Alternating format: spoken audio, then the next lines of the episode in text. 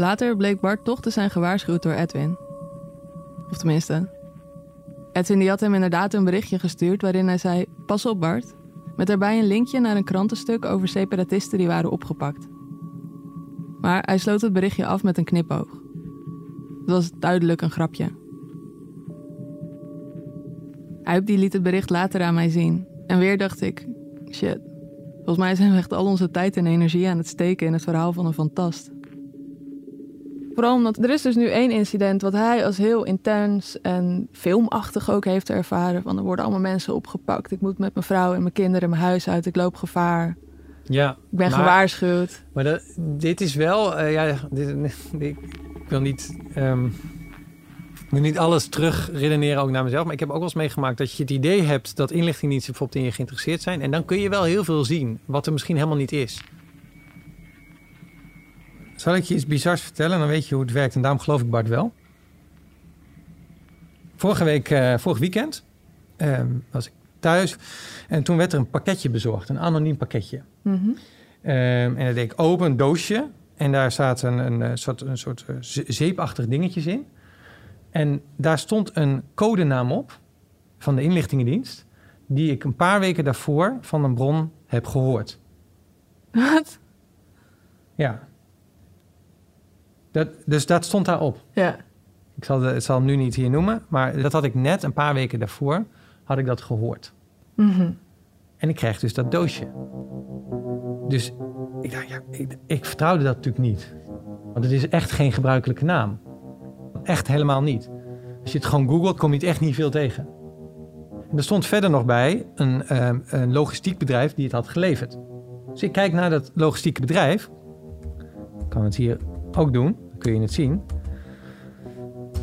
En dan het eerste wat je ziet, is dit. Is een familiebedrijf met ruim 180 jaar ervaring in complexe logistiek van gevaarlijke stoffenopslag.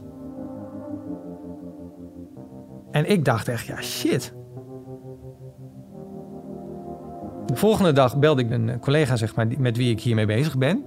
En hij zegt, ja, Huip, je weet hoe, ze, hoe de Russen, eh Novichok, hè, dat, die, dat chemische wapen, ehm, Groot-Brittannië hadden binnengesmokkeld in een parfumflesje. Niet. Dus hij zegt, doe dat fucking spul weg. Dus ik heb het boven in de kast gestopt. Ik dacht, ja, eh, er moet niemand verder, verder aankomen. Ja. Nou, op maandagochtend, toen kon ik natuurlijk bellen. En zij zegt meteen, is het spul van Marie Stella Maris? Zei, ja, ja, dat klopt. Ze zei, oh, dat is van DPG. Eh, die hebben dat nagestuurd, want dan zat het niet in je kerstpakket. ja, vrij logisch natuurlijk. En ik, ik zei ook heel tijd in de gesprekken met, met mijn collega... Het, eh, het zal wel toeval zijn, maar Ja. toch gaat, het, gaat je hoofd hiermee eh, aan de haal. En als je dus geen... Daarom is het eigenlijk mijn, mijn antwoord op de vraag over Bart. Als je dus geen logische verklaring krijgt... dan is het niet gek dat hij dat in dat frame gaat zien. Ik zie Nee. dingen soms ook op die manier. En die zag ik niet aankomen. Want ik zie Huip als iemand die bijna irritant rationeel is. Niet als iemand die denkt dat spionnen een chemisch wapen bij hem naar binnen proberen te smokkelen in een zeepflesje. Maar blijkbaar is dit wat geheime diensten met je doen. Ze creëren een nieuwe wereld. Eén die alleen jij kan zien. En waarin je elk pakketje extra achterdochtig openmaakt. Of waarin een onschuldig berichtje een waarschuwing is om met je vrouw en kinderen het huis uit te vluchten. Ja, als je dat zou meemaken, dan ga je natuurlijk aan alles twijfelen. Dus ja, voor hem is het gewoon anders dan voor Edwin iets, iets beladends, eh, iets, Ja. iets heftigs. En dan kun je ook een onschuldig berichtje interpreteren als: oké, shit, ik moet nu echt iets doen. Ik loop ook gevaar. Dat kan. Je luistert naar Dit kan geen toeval zijn. Aflevering 3, The Truman Show. Mijn naam is Simone Eleveld en ik maak deze podcast samen met Huip Modderkolk. Als je hoofdpersoon paranoïde blijkt, dan maakt het dat nog net wat lastiger om onderzoek te doen naar zijn verhaal. En in een wereld die toch al behoorlijk ondoorzichtig is, is dat wel echt een nadeel. Maar we gaan door. Want er zijn nog steeds dingen die we kunnen doen om Bart's verhaal te checken. En één daarvan is kijken naar zijn gedrag. Psycholoog Andreas Wismeijer, gespecialiseerd in onderzoek naar geheimen, die kijkt met ons mee. Maar waarom vertellen ze die geheimen aan jou eigenlijk? Ik bedoel, er is een reden dat het geheim is, dan komt de onderzoeker aan. Ja, want dat is fijn. Ik ben onderzoeker, ik ben onbekend, uh, ik ben geen familielid, er zijn geen consequenties aan. Ik ben psycholoog, dus ik heb eh, beroepsgeheim, dus ik mag er niet over praten. En mensen willen in essentie heel vaak wel graag over hun geheimen praten. Alleen ze vrezen de consequenties. Maar als dan een psycholoog komt en die zegt: joh, vertel je uh, geheim, maar ik wil er graag onderzoek mee doen. Ik hoef je naam niet te weten. En mensen gaan helemaal los. Wat ik altijd heel erg typerend vind, is dat mensen daar soms wel 10, 15, 20 jaar mee rondlopen. Terwijl als buitenstaander hoor je het aan en dan denk je, ja, zeg het hem gewoon. Ik heb meer dan genoeg mensen ontmoet. Uh, misschien deze persoon zou er ook zo eentje kunnen zijn die echt aangaven. Ik ging echt gebukt onderdoor aan mijn geheim. Ik heb me nooit zo slecht gevoeld als in de periode dat ik dit geheim moest houden. En ergens vind ik dat zo gek, want het lijkt zo simpel. Het enige wat je hoeft te doen is ergens gewoon niet over praten. Maar in de praktijk is dat dus heel lastig. Zeker met dit is het moeilijk om een geheim te bewaren. Kijk, geheimen zijn makkelijk te bewaren wanneer de emotionele lading beperkt is. En hoe meer relevante informatie is, hoe belangrijker het is, hoe meer bijzonder of hoe meer het jou raakt, eh, hoe groter de neiging om te delen. Nou, dit is, lijkt mij heel duidelijk een geheim wat je van de daken wil schreeuwen. Zo, wat ik heb meegemaakt, dat, dat nou echt hou je vast. Dus dat zal, een, dat zal niet makkelijk voor me geweest zijn. Ik denk dat hij heel erg met zijn gedachten was bij datgene wat hij heeft meegemaakt. Dat hij daardoor ook wat minder aanwezig was in de ruimte. Dat zijn vrouw daar misschien ook vragen over stelde. Van, joh, ben je stil? Waar ben je anders? Waar ben je geagiteerd? En dat je dan toch niet vertelt. Dat, dat wringt. Ja. ja. Dat zal niet makkelijk geweest zijn. En wat eh, zijn er gebruikelijke symptomen die iemand heeft die een geheim bewaart? Niet op korte termijn, uh, maar wel op langere termijn zie je dat als mensen langdurig emotioneel belastende geheimen houden, uh, dat ze er echt onder gebukt gaan. Dus ze gaan er steeds meer over piekeren. Je wordt aan allerlei elementen in de buitenwereld wordt je herinnerd aan dat geheim. Uh, dus je krijgt heel veel herbelevingen. Ehm, hoe meer je er niet over praat met anderen, hoe meer het je eigen verhaal wordt. Dus dan ga je toch een beetje op een gegeven moment twijfelen aan je eigen waarneem van oké, okay, is dat nou echt gebeurd? Maak ik dat ervan? Juist door met anderen te praten krijg je het verhaal helder in je hoofd. Dus een nadeel van het hebben van geheim is dat je zelf op een gegeven moment ook niet meer helemaal goed weet hoe het nou precies zit. En dat je ook twijfelt van, uh, zelfs als je wanneer niet eens, eens hebt hoeven liegen erover, dat je zelfs gaat twijfelen van gebeurde dit nou of maakte ik dat nou zelf ervan? Barty zegt dit soms letterlijk. Heel veel van deze dingen die kan ik ook verzonnen hebben. En wat als je het jou zou overkomen? Dan zou je ook denken dat je het verzonnen had. Ik vond dat zo gek, maar volgens Andreas is dat dus normaal. En nog iets anders wat ik best gek vond, namelijk dat Bart zich niet meer kan herinneren hoe hij is gevraagd om naar het andere vliegtuig te gaan, is volgens Andreas logisch. Kijk, um, op het moment dat hij uit rij gehaald werd of opgeroepen, was hij nog niet ermee bezig. Hij, hij, hij nam het nog niet bewust waar. Uh, dus hij was op dat moment gewoon nog zijn leven aan, aan, het leiden. En de meeste van ons doen dat redelijk slaapwandelen. Dus we weten niet zo goed wat er precies gebeurt. Dus ik kan me heel goed voorstellen als er op dat moment opeens iets gebeurt en hij gaat terugdenken: ja, maar oké, okay, wat gebeurde daar precies voor? Dat mensen dat helemaal niet goed hebben waargenomen. Dat ze dat eigenlijk, eigenlijk letterlijk niet goed waarnemen. Maar dan zou dus uh, uh, doordenken het wel heel belangrijk moeten zijn of op zijn netvlies moeten staan bijvoorbeeld. Hoe ziet die vrouw eruit? Hoe zag het vliegtuig er van binnenuit? Ja, Waar zat hij precies? Absoluut, ja, daar ben ik van overtuigd. Want dan zit hij in een absoluut andere situatie als anders. En dan gaan al je antennes uit en dan ga je opletten. De vrouw die had donkerblond, lichtkrullend haar. Ze had een t-shirt aan met een lage hals met daarover een blouseje en grote borsten. En dat weten we omdat we Bart keer op keer vragen hoe ze eruit zag. En elke keer komt hij met deze omschrijving. En, en, en voor Bart, uh, wat, wat zou jij in ons geval, dus als wij, uh, acht, als wij meer over het geheim te weten willen komen en of het bijvoorbeeld waar is of niet, wat zou je ons aanraden? Um, veel gesprekken plannen met degene waar je, uh, die dat geheim heeft. We merken namelijk als een geheim, dat blijkt uit Engels onderzoek, heel slim onderzoek ook, ehm, als een geheim waar is, dan wanneer je het ook vraagt, op welk moment, op welke manier, zelfs in de omgekeerde volgorde. Als het werkelijk heeft plaatsgevonden, dan blijft dat verhaal redelijk op een paar denkfoutjes na consistent. Is het een leugen? Om een leugen te kunnen vertellen moet je gecontroleerd zijn. eh, moet je blijven nadenken. Dus als je iemand heel spontaan vraagt van... Joh, vertel dit verhaal eens, terwijl die totaal niet voorbereid is... Uh, dan moeten ze even nadenken, oké, wat heb ik destijds ook alweer verteld? Dus die moeten die leugen weer even samenstellen. Dus dan zie je aan de reactietijd dat langer duurt. Uh, als je aan mensen vraagt, uh, zeker een complex geheim als dit... met heel veel haken en ogen... joh, vertel het verhaal dan nog eens, maar in de omgekeerde volgorde terug... dan zie je ook, als het niet waar is... ja, mensen kunnen dat echt niet meer onthouden.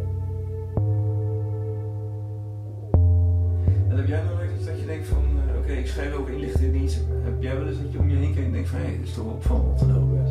Zeker. Ja, vaak.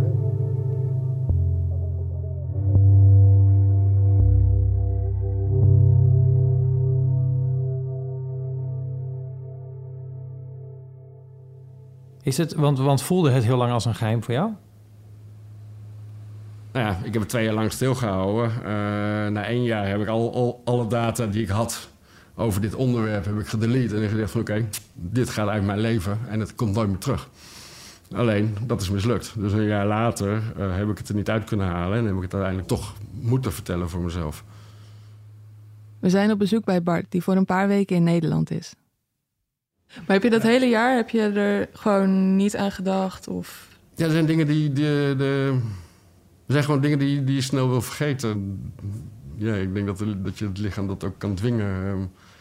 Maar hoe had je, had je het misschien anders aangepakt? Als je nu weet welke impact het op je gezin heeft gehad. Zijn er dingen die jij denkt, als ik het opnieuw had meegemaakt, had ik dat anders aangepakt? Uh, uiteindelijk, uh, als ik dit had geweten, had ik het nooit verteld. Nooit verteld? Nee, nooit. Nee. Had ik het nooit verteld. Kijk, ik had verwacht dat je zou zeggen, had ik het meteen verteld? Nee, nooit. Nooit. Nooit. De mening van mensen... Uh, is zo sterk. Is, maar je is zegt zo net, hard. ik had geen... Uiteindelijk moest ik het wel vertellen. Ik heb het geprobeerd niet te vertellen en dat lukte ook niet. Waarom lukt het niet eigenlijk? Waarom, kon je, waarom moest je het vertellen? Vertelt uh, mijn ex. Uh, Nee, of aan vrienden. Waarom vond je Wout, Wouter, Wouter, Wouter, mijn echte vrienden, die, die wisten het al langer. Um,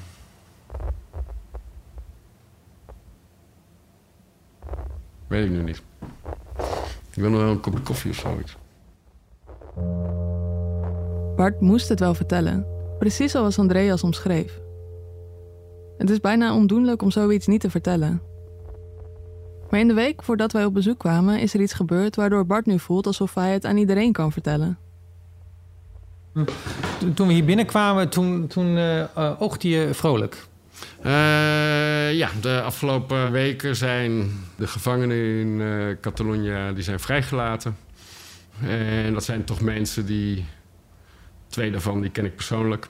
En dat waren gewoon mensen zoals jij en ik, uh, die gewoon kinderen hebben. En die werden in de gevangenis gezet omdat ze een overtuiging hadden. Een, een idee, een geloof. Maar je voelde echt blijdschap en je zei ik heb moeten huilen om dat nieuws? Ja, een klein beetje ook. Ik heb uh, mijn oom gebeld. En die heb ik ook laten zien van kijk, dit is wat er met mij gebeurt. Wat heb je hem verteld? Nou, toen ik uit was, heb ik hem gewoon gebeld. Gewoon zien van kijk eens. Kijk eens. Nou ja, dan heb je iemand aan de telefoon en dan ben je huilend. En je bent 51 en uh, mijn oom is uh, in de 70. Dus die staat ook een beetje raar te kijken van wat is hier, gebeurt hier. En die kan ook dan zien wat de emoties zijn. Want um, het is dus belangrijk voor jou om die emotie die je daarbij voelt... om die te delen met een ander. Om als, als bewijs waarvoor? Het is niet een bewijs. Het is meer de emotie dat ik het niet meer hoef op te kroppen. Uh, dat ik het niet meer hoef bij me te houden. Dat het geen geheim meer is. Uh, als ik erover wil praten, op dit moment heb ik het gevoel dat ik erover kan praten. Dus in, in, die, in, die, in dat bericht uh, zag je ook jouw eigen situatie? Ja, de, de, consequenties. Op het moment dat ik bang ben dat ze mijn informatie kunnen misbruiken voor campagne. Om te demonstreren tegen Spanje. Uh, te zeggen van oké, okay, kijk, die dictators is, uh, kijk eens wat ze doen en uh, dat moeten we niet pikken. dan zou dat olie op het vuur zijn. Dit heeft Bart al vaker tegen ons gezegd. Dat hij het al die tijd stilhield omdat hij bang was dat de Catalaanse separatisten zijn verhaal zouden gebruiken om op te roepen tot protest. Ik, nee, eh, het, het idee dat er iets kan gebeuren wat gerelateerd is aan mij, wat problemen in de straten zou kunnen veroorzaken, dat idee, dat, dat vond ik echt heel erg verschrikkelijk. En wat een reden om zo lang gebukt te gaan onder een geheim. Want was het maar zo dat mensen massaal de straat op gaan bij elk verhaal over iemand die omver is geblazen door een overheid. Maar Bart is hier echt van overtuigd. En misschien is dat niet eens zo gek, want als je al één keer iets hebt meegemaakt waarvan je dacht dat het onmogelijk was, dan ben je daarna bang dat alles op die manier kan escaleren. Zonder Huip had ik dat waarschijnlijk niet begrepen, dat dat zo kan werken. Maar hij herkent het. Maar om dat beter te begrijpen, wil ik nu eigenlijk wel eens weten wat er is gebeurd, waardoor hij zoveel herkent in het verhaal van Bart. Ja, maar dat vind ik ik echt weet dat lastig. dat hè? heel ingewikkeld Ja. is. Is het een, een mogelijkheid dat we daar gewoon doorheen lopen en kijken? Het zou kunnen dat de dingen die ik wil weten, dat die niet uitmaken. ja, ehm, kijk, als, als ik daarover ga vertellen en hij hoort dat, dan geef ik al mijn kaarten weg, zeg maar. Snap je? Dus ehm, dat, ja, dat, dat blijft gewoon moeilijk. We kijken maar wat voor details moet specifiek vermeden worden. Zal ik uitzetten. Dat je weet waarom wat nu volgt op sommige punten een beetje vaag blijft. Ehm, nou, ik had het boek, mijn boek in 2019 september gepubliceerd. Het is oorlog, maar niemand die het ziet. Ehm, en een paar weken daarna eh, kreeg ik een raar contact via mail eerst met iemand van een buitenlandse dienst. Kan je wel zeggen wat er in de mail stond? Ja, iets als ik ben een inlichtingenmedewerker en ik heb informatie over eh, een soort van geheime operatie in Nederland. En eh, ik wil je die informatie geven, maar ik ben ook in gevaar. Even heel globaal, maar zoiets is het. Ja, er stonden een aantal dingen in waardoor ik meteen als journalist eh, aanging, zeg maar. Ja. Ik, werd meteen, ik werd meteen aangesproken op mijn journalistieke eh, gevoel. Dus dat, dat was ook. Dat was denk ik ook de bedoeling. En dat werkte ook. Ja. Nou, daar ontstond een contact uit. Dus hij kwam weer een mailtje terug. Daarop reageerde ik weer. En telkens, dat viel wel op, eh, werd de informatie eigenlijk spectaculairder. En dat is natuurlijk vaak iets wat juist niet gebeurt. Dus Nee. mensen zijn, als je mailen, geneigd om het meest spectaculaire eerst te zeggen. Dus er is corruptie ergens. En dan gaan ze daarna uitleggen wat ze daarmee bedoelen. En dan uiteindelijk blijkt het altijd toch wat genuanceerder te liggen dan in, in de eerste mail werd gesteld. Eh, maar dit was eigenlijk precies de andere kant op. Dus eh, het contact ging alle kanten op en het werd steeds groter en spectaculairder. En eh, dat, dat zette mij wel aan het denken van ja, waarom dat, dat is dus niet gewoon. Waarom zou dat zo zijn? Alle ontwikkelingen vonden ongeveer ook plaats tijdens ons contact. Dus dat vergroot uiteindelijk wel mijn wantrouwen. Ja, op een gegeven moment eh, eh, eh, werd er een telefoon opgestuurd om ehm, daar contact mee te hebben. Ja, en dat maakte natuurlijk dat. Daardoor kwam het wel dichterbij. Gevoelsmatig sta je dan iets dichter bij die persoon. Nou, toen heb ik hem aangezet en er was er een berichtje op. Ehm, Waar heb je hem aangezet? volgens mij had ik wel de tegenwoordigheid van geest om dat dus niet in de buurt van mijn eigen telefoon te doen. Want dan kun je uiteindelijk, als dat permanent zo is, kun je afleiden wat mijn telefoon is. En waar mijn telefoon dus ook is. Eh, Ja, dus ik had daar elke keer een wandelingetje. Ik weet nog wel, dus als je het hebt over eh, eh, paranoia. Op een gegeven moment ging ik, dacht ik, nou, ik, had even geen zin om te lopen of het regent of zo. Dus ik dacht, ik neem de tram naar Centraal en dan doe ik daar wel eventjes aan. En toen zat er een meisje met hoofddoek, weet ik nog, iets verderop. En die keek mij de hele tijd zo aan. En die had haar telefoon ook vrij hoog, vond ik. Zo. Eh, en daar werd ik een beetje onrustig van. Ik dacht, ja, misschien is weet ik veel. Maar misschien, ga- dat ga je dan denken. Misschien kun je nu in die telefoon aflezen dat ik hier ben. En ehm, nou, op een gegeven moment probeer je dat weer uit je hoofd te zetten. Stapte ik op centraal uit. En toen nou, dacht ik, ga even zitten op een bankje. En toen zat dat meisje weer aan de andere kant.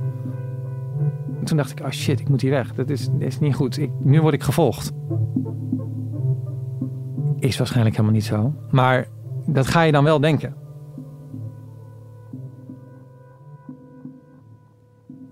Want in der tijd nam je eh, een aantal veiligheidsmaatregelen.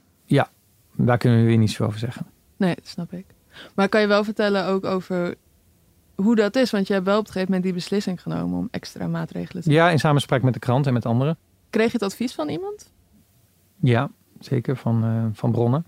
Dit is niet oké. Ehm, ja, hoe is dat? Ehm, ja, het zet je eigenlijk ook. Het maakt het eigenlijk wel nog scherper of zo, of nog duidelijk. Het maakt de dreiging eigenlijk concreter, terwijl die er dus niet echt is. Ga je, omdat je dat gaat doen, ga je er ook meer naar leven. Maar je weet niet, omdat het zo ehm, onduidelijk is en vaag is, weet je eigenlijk helemaal niet waar tegen je die maatregelen neemt. Ja. En hoe lang speelde die maatregelen? Of kan je dat ook niet zeggen? Ja, het zal zijn een paar maanden, een half jaar of zo. Want in die maanden leef jij wel in een andere wereld. Ja, in een, een paar maanden was dat wel echt zo, ja. Maar uitleggen hoe die wereld eruit ziet, dat blijkt echt lastig. Mm, het is ook helemaal, ik begrijp het zelf ook niet echt allemaal. Omdat het is iets heel ongrijpbaars.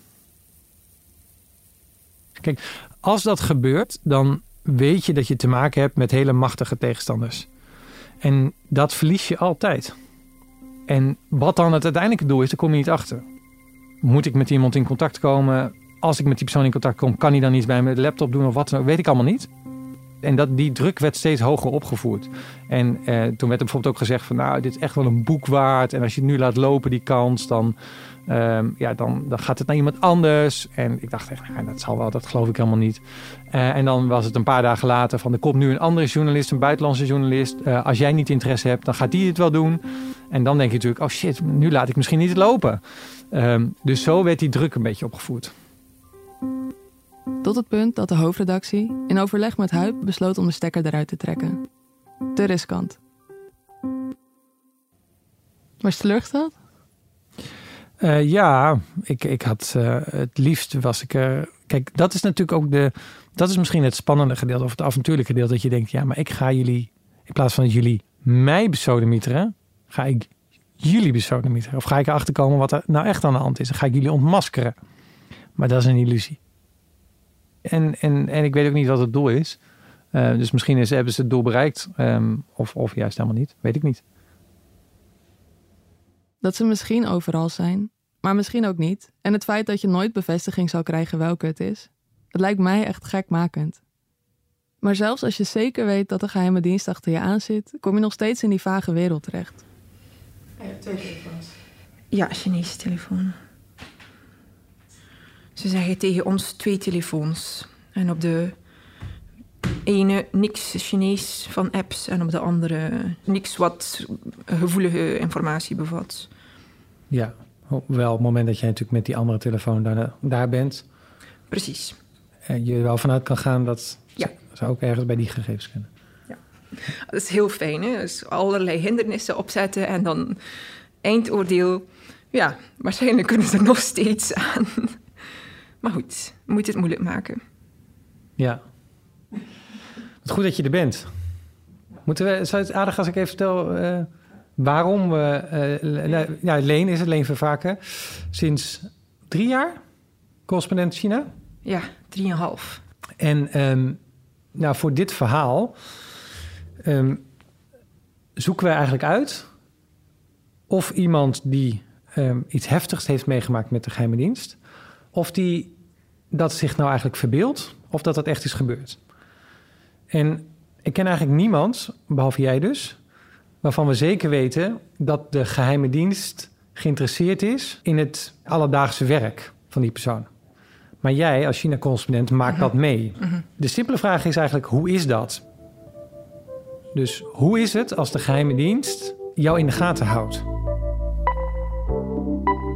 Er is als je in China aankomt altijd wel inderdaad een gevoel als buitenlands journalist dat je nooit meer niet bekeken wordt. Dat eigenlijk alles wat je doet, moet je er rekening mee houden dat iemand dat uh, op het moment zelf kan bekijken, beluisteren of eventueel dat het bijgehouden wordt, opgenomen wordt.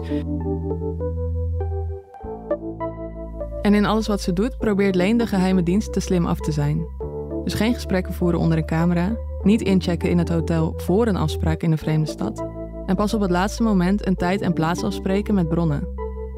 En als ze op reportage gaat in Xinjiang, de provincie van de Oeigoeren, dan weet Leen dat ze daar extra haar best moet doen. Dus vliegt ze naar een kleine luchthaven, zorgt ze dat daar een auto klaar staat en probeert ze zoveel mogelijk te doen voor ze dus de eerste keer incheckt. Maar in uh, Xinjiang zijn er overal checkpoints. En bij het eerste checkpoint um, nou, werd ik meteen uit de wagen gehaald. Oh, dat is een bijzonder paspoort, we moeten dat even controleren. Ik moest daar 15 minuutjes, 20 minuutjes wachten. En ik wist al, oké, er worden hier nu allerlei mensen gebeld. En, en vermoedelijk heb ik straks een, een konvooi achter mij aan. Een staart? Ja, een staart, ja. Nou, ik reed verder en er rijdt plots een witte SUV redelijk dicht achter me aan. Dus ik dacht, het zou me niet verbazen als dat mijn staart is. Maar ik kan het natuurlijk niet zeker zijn, want het is één wagen. Dus ik ben in het eerstvolgende dorp even aan de kant uh, gaan staan. De SUV stopte aan de overkant van de weg. En ik ging in een klein bakkertje binnen. Niet omdat ik uh, heel erg trek had, maar dat ik even wilde kijken van wat is de situatie. Ik ben daar één minuut geweest, ik kom weer buiten en ik bots bijna op drie politieagenten. Dat was absurd. Ik dacht echt, nou, zijn ze krankzinnig geworden of zo? Ik weet dat ik gevolgd ga worden, maar drie agenten die meteen mij in een bakkerij volgen, dat is toch compleet overdreven. Het is idioot, maar op het moment dat het gebeurt, voelt Leen vooral irritatie. Want ze is daar voor een onderzoek naar de sloop van Oeigoerse moskeeën. Dat is een onderzoek waar ze al maanden mee bezig is en hier hoopt af te ronden. Daar zit meteen wel spanning op. Ja, het is begonnen. Ik kom hier iets afwerken. Wie gaat slagen in zijn plan? Ik in mijn plan om die plaatsen te bezoeken, of zij in hun plan om dat nou, op zijn minst moeilijk te maken of te verhinderen dat ik iets te zien krijg. Aan elke districtgrens krijgt ze een verse konvooi. En als ze ergens uitstapt, dan doen haar volgers dat ook. Ook tot mijn uh, tot enigszins verbazing uh, bleven ze mij volgen tot in het hotel. En als ik s'avonds nog iets ging eten, dan volgden die mensen mij naar het restaurant. En dan terug van het restaurant naar het uh, hotel. En als Leen ergens te lang blijft hangen, dan komen ze, luid telefonerend, steeds dichterbij. Dus er was een soort van prototype man met telefoon die ik begon te zien als achtervolger. En soms zijn ze maar met z'n tweeën, maar andere keren, zoals bijvoorbeeld in Hotan, lijkt iedereen op straat daar wel voor Leen te zijn. Ja, dat bouwde heel snel op. Uh, dat begon met eentje en dan nog een tweede. En uh, ik werd daar op een bepaald moment, ik denk door twintig mensen te voet gevolgd, die zich voordeden als gewone burger, maar allemaal duidelijk geïnstrueerd waren om mij het werk moeilijk te maken. En waar merkte je dat aan? Uh, nou, ze hadden allemaal dezelfde methode. Dat ze kwamen zeggen: uh, ah, Je hebt iets gefotografeerd en dat mag niet. Een soort Truman Show is het gewoon. Dat, dat lijkt alsof dat hele straatbeeld voor jou is ingericht. Maar dan wel met bedoeling jou, jou niet door te laten. Later die dag wordt Leen staande gehouden door twee politieagenten. Die ook zeggen dat zij foto's heeft gemaakt op een plek waar dat verboden is. En ik werd opgepakt, uh, heel lang ondervraagd ik merkte daarna wel dat ik, ja, als ik een politieagent zag, dat ik meteen een gevoel van, van stress kreeg en dacht, oh, wat gaat er gebeuren? Dus dan kan je niet meer goed functioneren. Dus, uh... En dus besluit ze om weer terug te vliegen naar Beijing, waar ze woont. Een paar dagen eerder dan gepland. Want doordat ze nu zo gestrest is, kan ze de risico's niet meer reëel inschatten. En dat is een gevaar. Maar eenmaal thuis is dat ook niet zomaar hersteld. Het duurde een paar dagen. Dus de volgende dag kwam ik uit mijn appartement. Ik fiets mijn wijk uit en ik zie op een straathoek een man staan. En die neemt net zijn telefoon om te beginnen bellen. En dat was zo'n beweging die ik veel gezien had. En, en de, ja, die waakzaamheid uh, kwam meteen terug. Oh, die is hier om mij te bekijken. Wat uiteraard niet het geval was. En die man bleef daar gewoon staan. En als je in China elke man met een telefoon verdacht vindt, dan uh, heb je veel werk. Maar die paranoia, misschien is dat juist wel de bedoeling van die diensten. Het, het, het, is vreemd hoe je in Xinjiang gevolgd wordt en dat het zo zichtbaar gebeurt. En mm, het, de technologische mogelijkheden om je veel minder zichtbaar te volgen zijn er zeker. Dus wat, wat is hun bedoeling? Het is niet puur te weten komen wat je aan het doen bent en met wie je aan het praten bent. Het is in grote mate laten zien. Wij houden je in de gaten, dus let op wat je doet. Het is laten zien aan je bronnen. Deze persoon wordt in de gaten gehouden, praat daar niet mee. En dus ook als je hen niet ziet, blijf je denken, ja, ze, ze, ze kunnen het. Die onzichtbare wereld, waarin je altijd op je hoede bent, daarin is het hard werken om je paranoia eronder te houden. Je wil geen onnodige risico's nemen, want je tegenstander is heel machtig. Maar je wil je ook niet laten intimideren. De enige manier om de juiste inschatting te blijven maken is volgens Leen om te blijven praten. Maar alleen met mensen die weten hoe die wereld eruit ziet. Als je aan iemand zonder China-ervaring vertelt dat je mm, in bepaalde situaties denkt dat je misschien achtervolgd werd of dat je zogenaamd een gesprek had met een gewone burger, maar dat dat geen gewone burger was, dan denk ik dat de meeste mensen je gek verklaren, maar dat is dus niet de standaard waar we naar kijken. Maar als mensen met ervaring in de journalistiek in China zeggen: Oh, je begint wel echt uh, overal signalen te zien die, die, er, die er niet zijn, volgens ons. Um, ja, dat is volgens mij alarmerend. Daar moet je niet heel lang meer daar blijven werken. En ik denk dat het enorm moeilijk is om die grens te bewaken. Maar met wie had Bart kunnen praten? En met wie kan hij bespreken wat hij meemaakt als hij het zelf niet eens begrijpt? Want als het zo bizar is wat je overkomt en er alles aan wordt gedaan om verwarring te zaaien, dan is het inderdaad bijna onmogelijk om die grens te bewaken.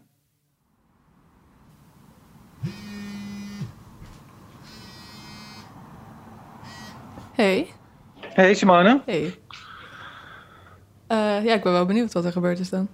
Uh, ja, ik moet het even laten bezinken, ben ik bang. Ik weet niet of ik ook alles kan vertellen. Het is echt te bizar. Wat? Um, ja. Ik heb het ook pas net gehoord. Want, en we moeten het even laten bezingen, bezinken, ook bij de krant. Um, ik was niet op de krant. Ja. Uh, maar ik werd gebeld door een collega. En die vertelde dat er... Uh, dat hij werd gebeld door de receptie. Dat er twee mensen daar stonden. Mm Um, en uh, nou, hij ging daar naartoe.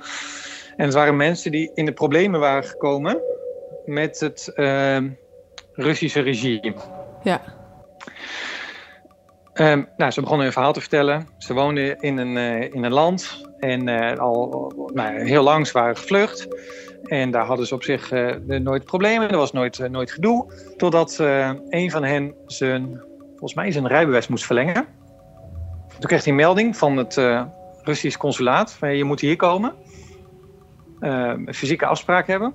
Nou, daar, dat ging hij doen. En hij zei, nou, daar was ik. En ik kreeg wat eten en drinken. En ik voelde me niet lekker worden. En ja, het, ik viel weg. Het werd zwart. Ja. En het volgende moment zit ik in het vliegtuig. In een leeg vliegtuig. Wat? ja. Ik verzin dit niet. Zit ik in een leeg vliegtuig naar Moskou.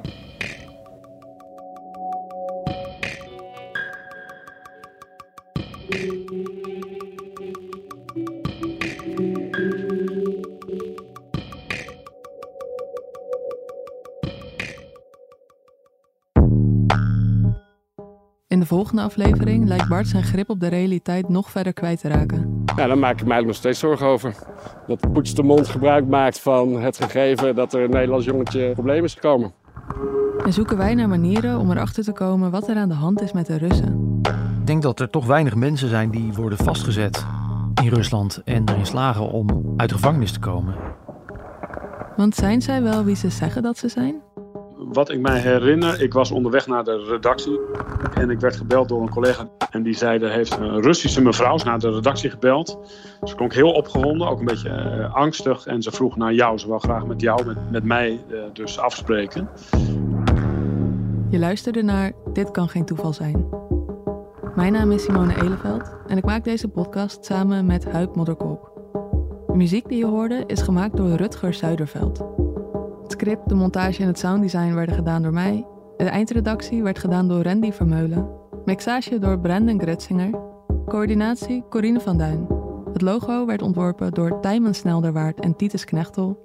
Communicatie door Emilie van Kinschot. En met dank aan Kevin Goes, Marije Randewijk, Maartje Bakker en Joris Heikant. Dit kan geen toeval zijn is een productie van de Volkskrant. En als je onze journalistiek wil steunen, dan kun je dat het beste doen door een abonnement te nemen. Daarvoor ga je naar volkskrant.nl/slash